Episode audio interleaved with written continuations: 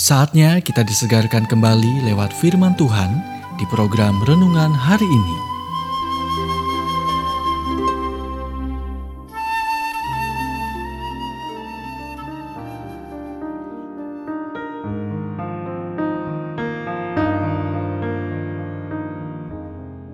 Renungan hari ini berjudul Gunakan Strategi Senyum. Nats firman Tuhan diambil dari Ayub 29 ayat 24. Aku tersenyum kepada mereka ketika mereka putus asa dan seri mukaku tidak dapat disuramkan mereka.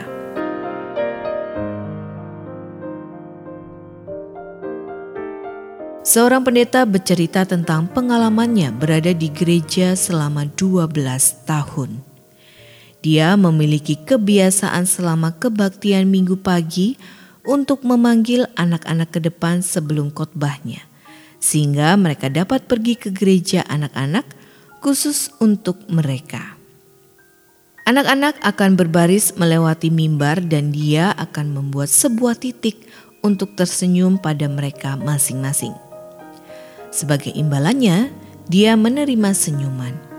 Itu adalah salah satu poin tertinggi dari pelayan bagi saya, kenangnya. Namun suatu hari ia rupanya tidak tersenyum pada seorang anak.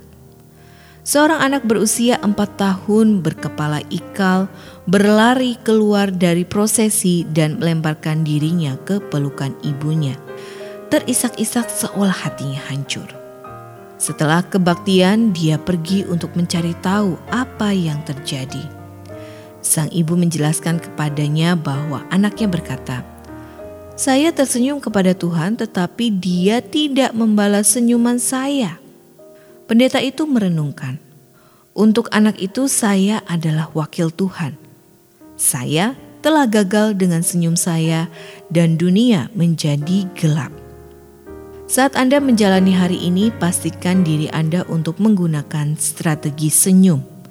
Anda berkata, saya punya lebih banyak masalah daripada Ayub, jadi saya tidak punya alasan untuk tersenyum. Ayub mengalami lebih banyak permasalahan dalam setahun daripada yang akan dialami kebanyakan dari kita seumur hidup. Tapi meskipun dia jatuh, dia mengangkat yang lain.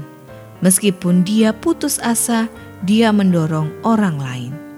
Bagaimana dia melakukannya?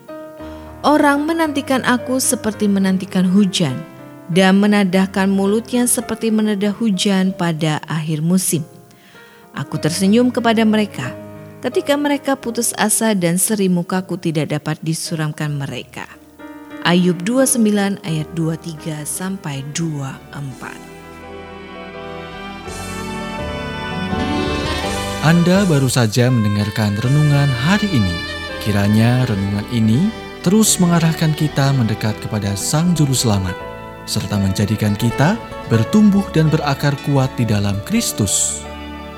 Bila Anda diberkati, berikan kesaksian Anda melalui WhatsApp di 0817 222 959 atau jika Anda ingin memiliki buku renungan hari ini, Anda bisa dapatkan di Radio Suara Gerasi FM, Jalan Setiabudi 31 Cirebon. Dengar dan lakukan firman Tuhan, maka hidupmu akan selalu berkemenangan. Tuhan memberkati.